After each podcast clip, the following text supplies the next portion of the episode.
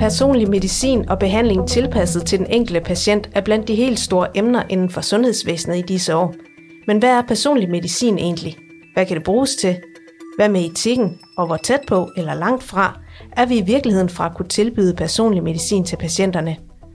Jeg hedder Trine Østergaard Thomsen, jeg arbejder som journalist i Region Nordjylland, og du lytter til Region Nordjyllands podcast Sundhedstegn. I dag skal vi snakke om personlig medicin, og med mig har jeg Karen Dybkær Sørensen. Du er professor i molekylær hematologi på Aalborg Universitetshospital, og du forsker på celle- og molekylært niveau inden for kræftsygdom i blodet. Og velkommen til dig. Tak. Og så har jeg Henrik Krab.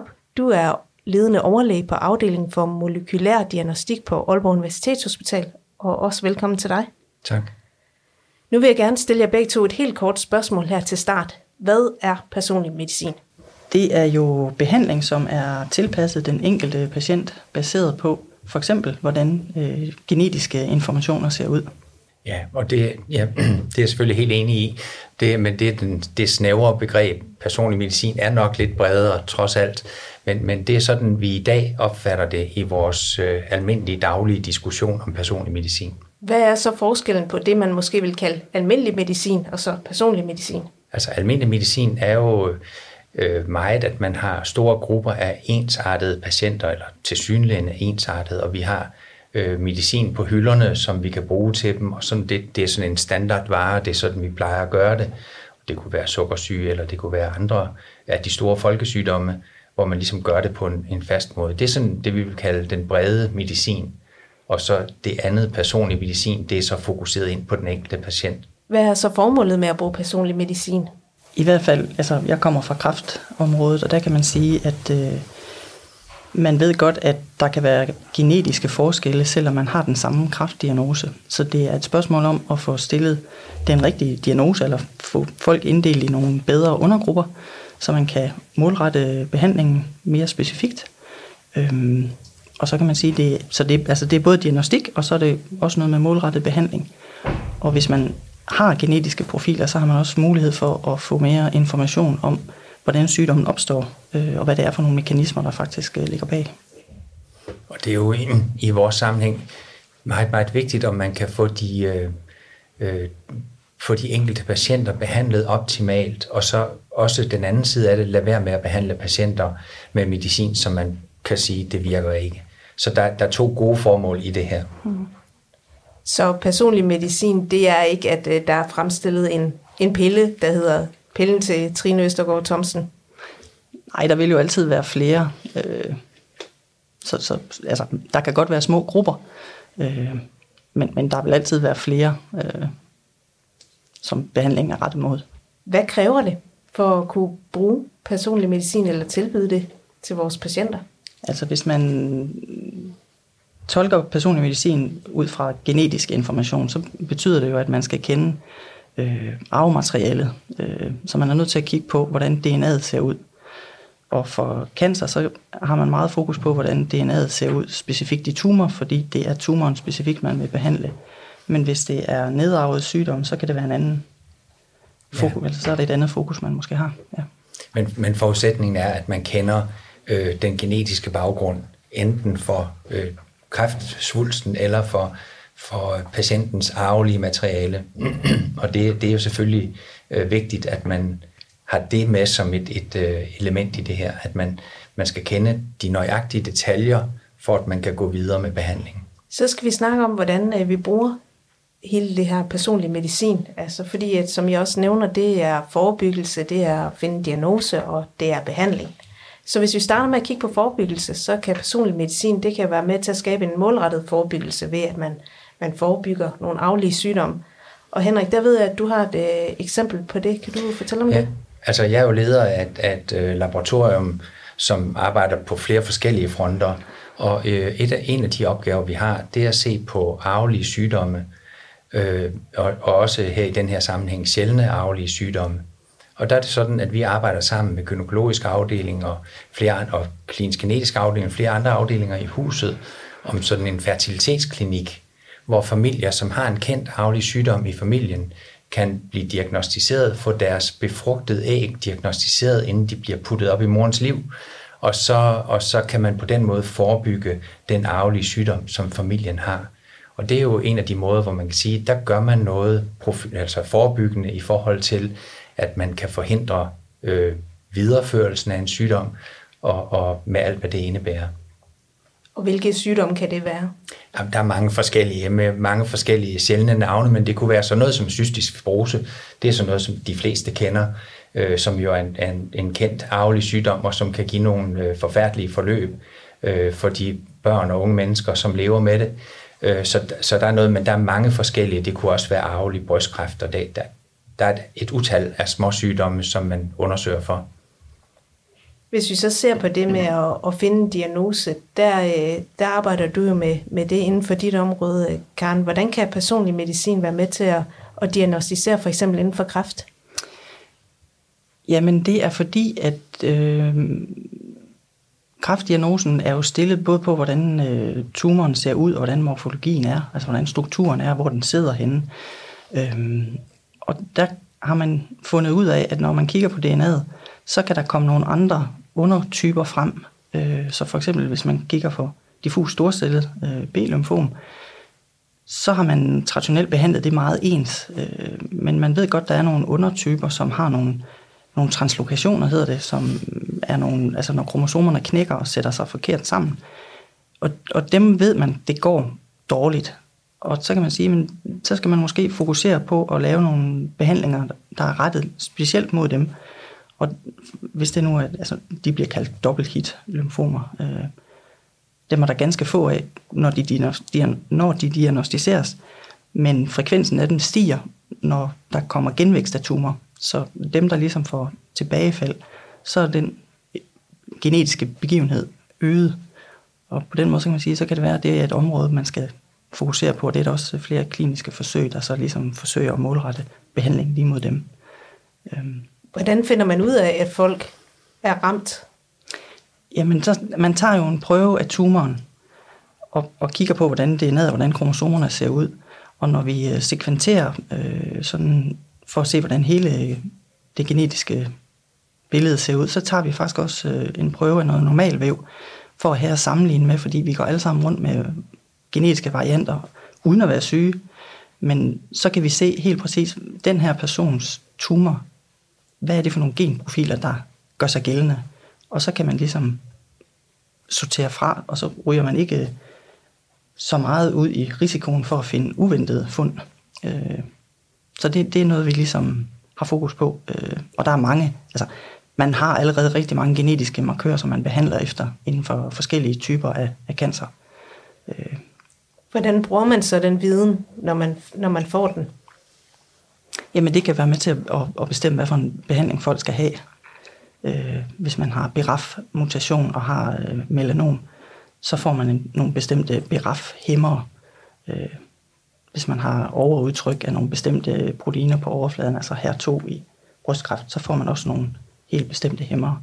Og hvis man har noget mikrosatellit instabilitet ved koloncancer for eksempel, så får man immunterapi. Øh, så der er, der er nogle, sådan nogle allerede fastlagte øh, genetiske parametre, der udløser bestemte behandlingsvalg. Du har også et, eks- et eksempel på behandling, øh, Henrik. Det er så inden for hepatitis. Hvad er det, man, man kigger på der, og hvad er det, man gør? Ja, altså hepatitis C er en, en gammel historie, men, men der var det sådan, at man kunne se, at når man behandlede øh, folk, der havde øh, rødder tilbage i Afrika, så gik det dem dårligere, end hvis man behandlede folk, der kom fra Asien for eksempel, eller, eller folk, der kom fra Europa. Og, og det lavede man undersøgelser på, og det viste sig, at de, øh, de folk, der kom fra Afrika, de havde en bestemt genetisk konstitution, som gjorde, at de ikke responderede på den behandling. Og det skal siges her, at det var en modbydelig behandling. Man behandlede folk i et år, og de blev frygtelig dårlige. Og, og måske af de her, øh, der kom fra Afrika, der var der 10 procent, der blev raske. Hvis man kom fra Asien, så var der 80 procent, der blev raske. Og så gik man ind, og så fandt man, hvad var det for den her genetiske konstitution, hvad var det? Og så førte vi det ind i testen, så vi testede alle vores patienter for det, og så kunne man sige på forhånd, nej, du skal ikke have den her behandling, for den vil ikke hjælpe dig, eller du skal have den her behandling, for du vil blive rask af den med stor sandsynlighed. Og det var jo en kæmpe fordel. Udover det, så undersøgte man så virus ned i detaljen, så man vidste lige præcis, var det det her eller det her, og hvad medicin skulle bruge til det. Så det var sådan et tidligt eksempel på, på, på personlig medicin, kan man sige. I mellemtiden så har man fået så effektive behandlinger, at man kan behandle alting, uanset om man er fra Afrika eller man er fra Asien, eller hvor man er fra, og så bliver stort set alle raske. Så, så der er også en udvikling i det, kan man sige. Men dengang blev det så også brugt til at sige, hvem, hvem skal vi egentlig undlade at behandle, fordi de får kun bivirkningerne? Ja, altså jeg kan, jeg kan godt give et eksempel på det. Det var sådan, altså hvis nu man som mig er en over 60-årig mand, øh, som skulle behandles, så var behandlingen sådan, at man tog måske 10 år af ens sådan fysiske kapacitet ved det års behandling. Og der var det jo fantastisk at kunne sige til folk, du skal tænke det her nøje igennem, fordi når du kommer ud på den anden side, så er der måske 15% chance for, at du er rask, men der er 100% sikkerhed for, at du er 10 år ældre, end da vi startede. Og så var der mange, der ligesom sagde, ej, den tager jeg ikke. Jeg afstår for den her behandling. Jeg venter på, at der kommer noget bedre. Og det kan man sige, det var en klog beslutning. I dag behandler vi over 80-årige og gør dem raske uden problemer. De mærker intet til det. Hvis vi så ser på personlig medicin helt generelt, hvad er så fordelene ved at bruge det til behandling? Jamen det er jo, at man kan finde en behandling, som er tilpasset den genprofil, øh, den enkelte patient har, så man er fri for at blive behandlet med noget, som ikke virker, og hvor man reelt kun får bivirkningerne. Og det er jo sådan, at, at nogle af de her øh, kræftformer, hvis man nu for eksempel har kræft i busbødkirtlen, og så, så, så der har vi et helt setup for, det kører på en måde, men når man så undersøger den genetiske profil, så konstaterer man måske, i virkeligheden ligner det her æggestokkræft, og i virkeligheden skulle behandlingen rettes mod en anden type kræft, end det vi troede. Og, og det er jo nogle informationer, vi ikke har haft tidligere, men pludselig kan man så vælge noget andet ned af hylden og sige, jamen du skal jo have den her behandling, øh, for at det hjælper. Er der nogle øh, sygdomme, hvor det giver mere mening at behandle med den standardbehandling, som vi har i dag, i stedet for personlig medicin? Ja, det er der bestemt. Ja, altså, det der, er- er, altså, man, man tager jo det, der har god effekt. Det er jo mest, hvis man ender i en situation, i hvert fald inden for cancer, hvor behandlingen ikke virker, at man begynder at afsøge nye områder eller nye muligheder. Ja. Og man kan sige, altså da jeg blev læge for mange år siden, der var det jo sådan, at der var nogle af de her cancersygdomme, der døde man bare. Altså, de, der var fem års overlevelsen under 10 procent, så, så alle døde stort set. Og det var børn, og det var voksne, og det var sådan set lige meget, om det var den ene eller den anden. I dag har vi jo nogle sygdomme, for eksempel børne, børnekancerne, men specielt øh, børneblodkancerne, børneblodcancerne, hvor vi næsten gør alle raske. Og der er jo en standardbehandling, og det kører efter standardsystemer, øh, og, og så, øh, så er det jo det gode, så behøver man ikke at tænke mere over, skal vi nu gøre noget andet her? Eller, eller øh, voksne mænd med testikelkræft, hvor det også gik rigtig skidt i sin tid, og nu går det sådan set rigtig godt for de fleste. Så, så der er mange steder, hvor man kan sige, det er standard, det er sådan, vi gør. Så det, jeg hører jer sige, det er, at øh, personlig medicin, det er, at det er et tilbud, men det er ikke, det er ikke noget, vi skal tilbyde alle. Nej, det mener jeg ikke, det er. Nej, altså. det er inde i. Og, og man kan sige lige nu i forhold til cancer, der er det jo øh, dem, vi fokuserer på, det er jo dem, der har fået standardbehandlingerne, som så ikke har virket. Ja. Og så går vi videre og siger, hvad kan vi så gøre? Men man starter ligesom fra starten, øh, det vi kender og det vi ved, der virker på mange.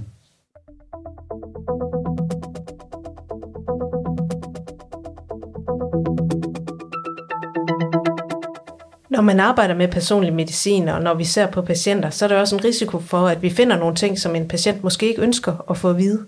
Øh, og nu skal vi snakke om, hvordan vi forholder os til etikken i forbindelse med øh, personlig medicin. Karen, hvis jeg starter med dig, hvordan ser du sådan det etiske perspektiv i det her? Jamen, det er jo en, en mulighed for at få noget information, som man ikke har haft før. Så man skal selvfølgelig altså man skal informere patienten rigtig, rigtig grundigt om, hvad det er for en type af undersøgelser, hvad det er for, en, hvad det er for nogle resultater, der kan komme ud af det, og hvad konsekvenserne kan være. Så man simpelthen tager et, et, en beslutning på informeret grundlag. Øhm, og så kan man sige så, og det var det, jeg også prøvede at sige før, at for rigtig mange af cancerformerne, så gør man sig umage for kun at få profilen af tumoren.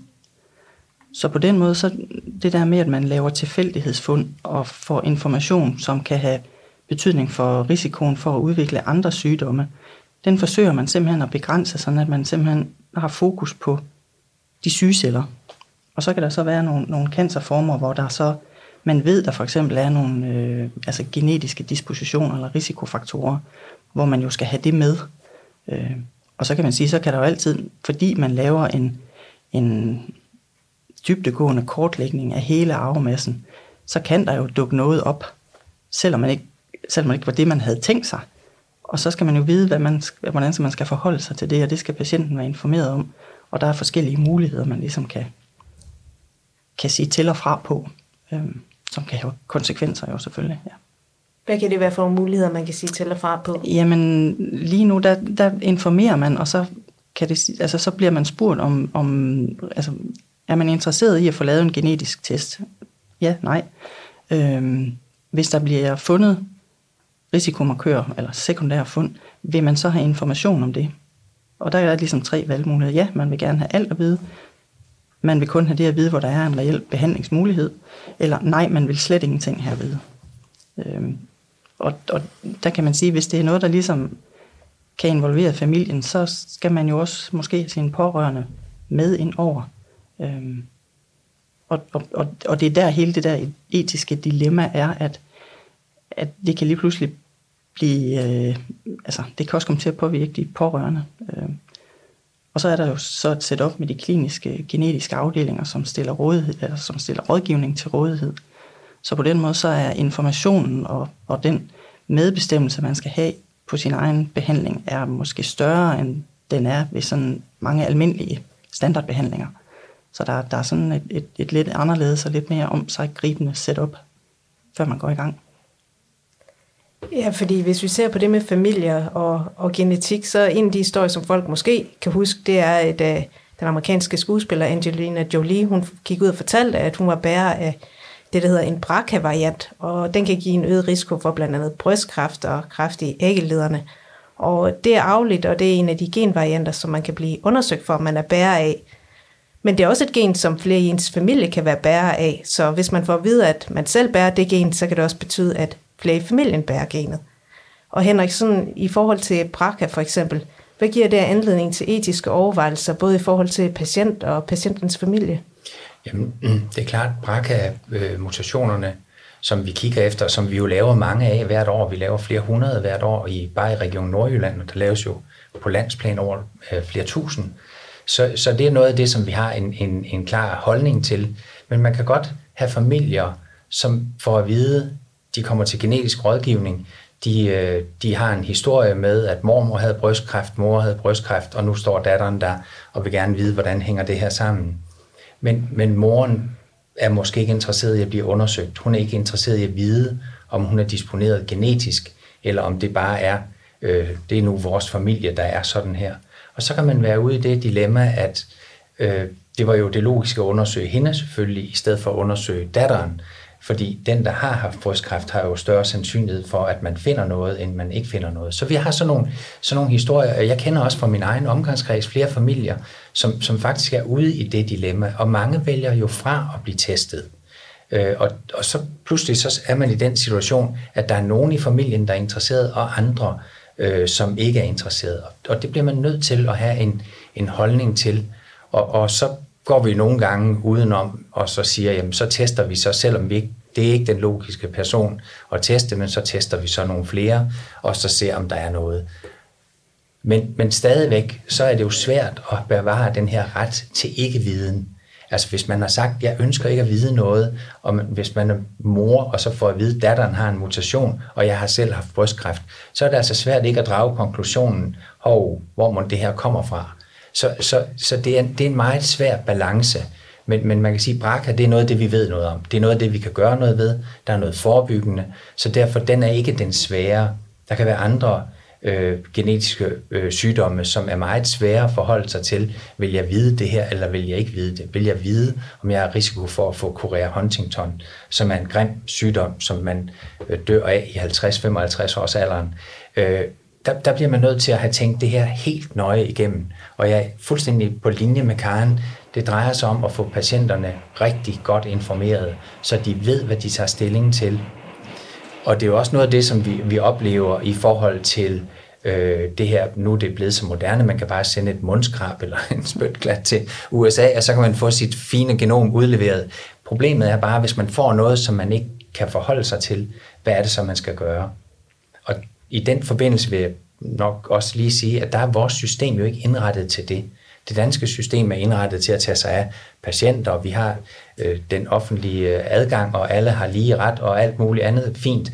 Men vi er jo ikke givet til, at alle går ud og lader sig teste privat, og så kommer med et, et, en sædel i hånden og siger, øh, der står forresten også, at jeg har 45% risiko for et eller andet, eller noget andet. Hvad, hvad skal jeg stille op med det? Det er vi ikke klædt på til. De praktiserende læger kan slet ikke forholde sig til det, og vi har jo ikke kapacitet i det øh, genetiske rådgivningssystem til at tage alt det her ind. Så det her, det skal udvikle sig. Det, vi, vi er ved starten af noget i personlig medicin. Det skal have lov til at have sin tid, og det skal komme lige så stille. Og en ting er, at, øh, at vi får noget viden øh, ved, at, ved at kortlægge vores øh, genom. Men skal vi så også behandle alt det, vi kan se? Nej, der kan jo sagtens være situationer, hvor det ikke øh, altså, giver mening. Øh, altså vi er jo alle sammen disponeret for alle mulige ting, men derfor er det jo ikke sikkert, at det kommer så vidt. Så altså, og det er jo heller ikke løsning på alt. Der er jo også mange, altså man kan jo også godt blive tilbudt et genetisk, øh, en genetisk undersøgelse, så det viser, at der faktisk ingen behandlingsmuligheder er. Øh, så, så det er jo ikke sådan, at der altid kommer løsninger frem. Og der kan jo, ja, i princippet så kan der altså også sagtens være situationer, hvor, hvor der kommer modstridende informationer frem, at der kan være to mulige måder at behandle på, og hvad skal man så vælge? Øh, så, så, så det er bestemt ikke, øh, altså det er ikke, det er ikke bare sådan en, en, en løsningsmanual, der kommer ud.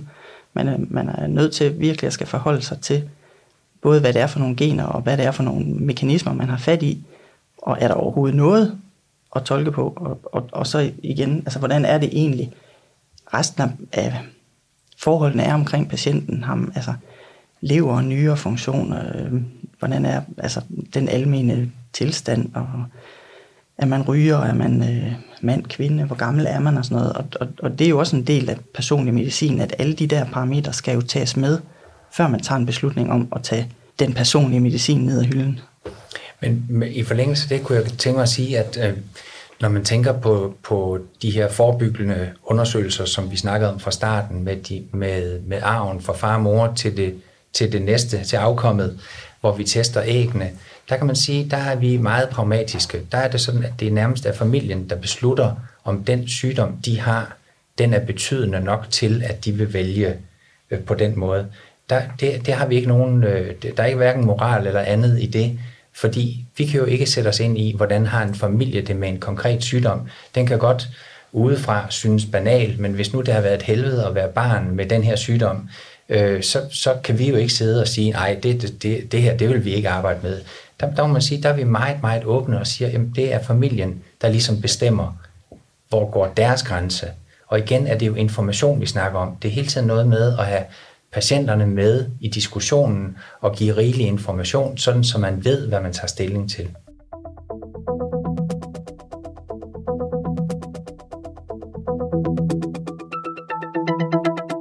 Hvis vi så ser på, hvor, hvor vi kommer hen i, i fremtiden, hvad ser I så som det næste skridt inden for personlig medicin?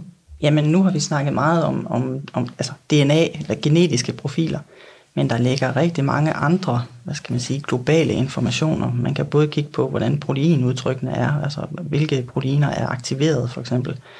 Øh, og man kan kigge på altså, andre reguleringslag i, i cellerne, og, og der vil også være muligheder for at udvikle på sigt mere målrettede behandlinger. Så, så hvad skal man sige, på det molekylære plan er der uendelig mange muligheder.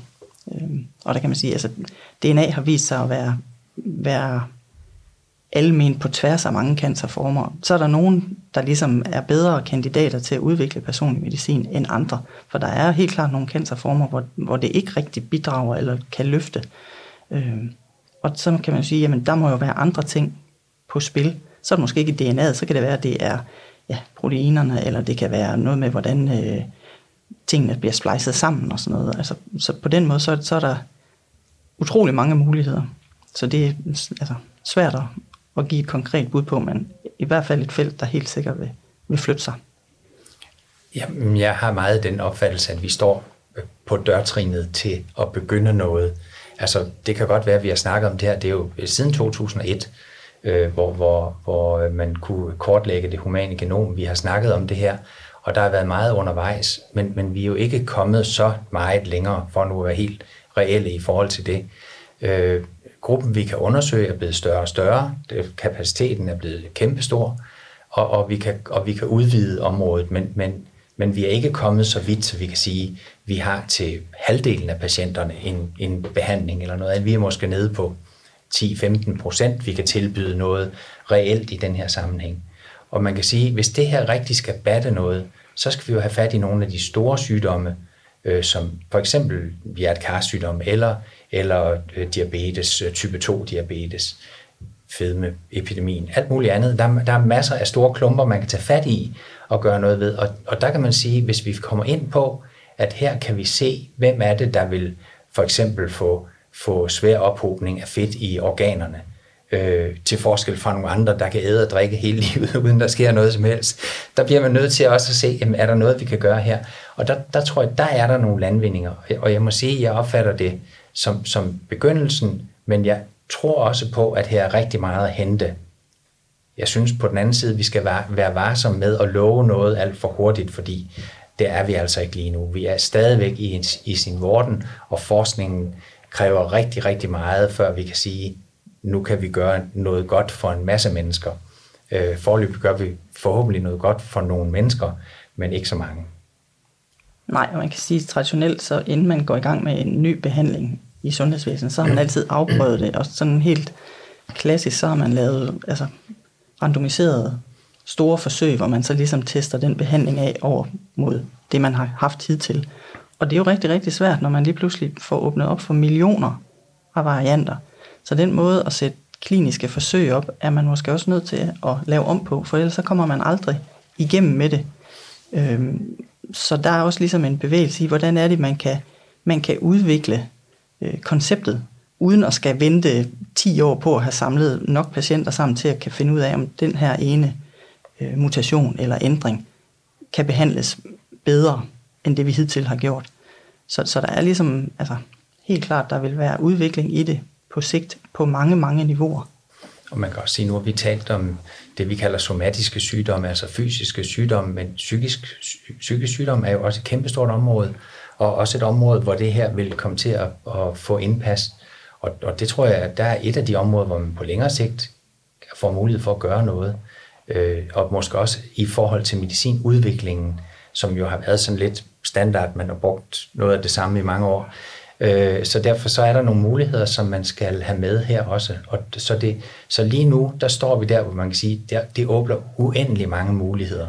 Men vi mangler lige at få de rigtige håndtag på, så vi kan gøre noget. Så vi kan altså konkludere, at personlig medicin, det kan være med til at give en bedre behandling inden for, for nogle områder, men det er ikke nødvendigvis noget, som vi skal tilbyde alle de patienter, vi ser. Og det kræver også, at vi har fokus på etikken, og hvad patienterne egentlig ønsker at få at vide omkring nogle sygdomme, som de måske kan komme til at fejle fremover. Og så vil jeg sige tak til dig, professor Karen Dybkær Sørensen. Tak. Og til dig, ledende overlæge Henrik Krav. Tak. Lyt med næste gang i Sundhedstegn, hvor vi igen sætter spot på fremtiden i sundhedsvæsenet. Tak for denne gang, og tak fordi du lyttede med.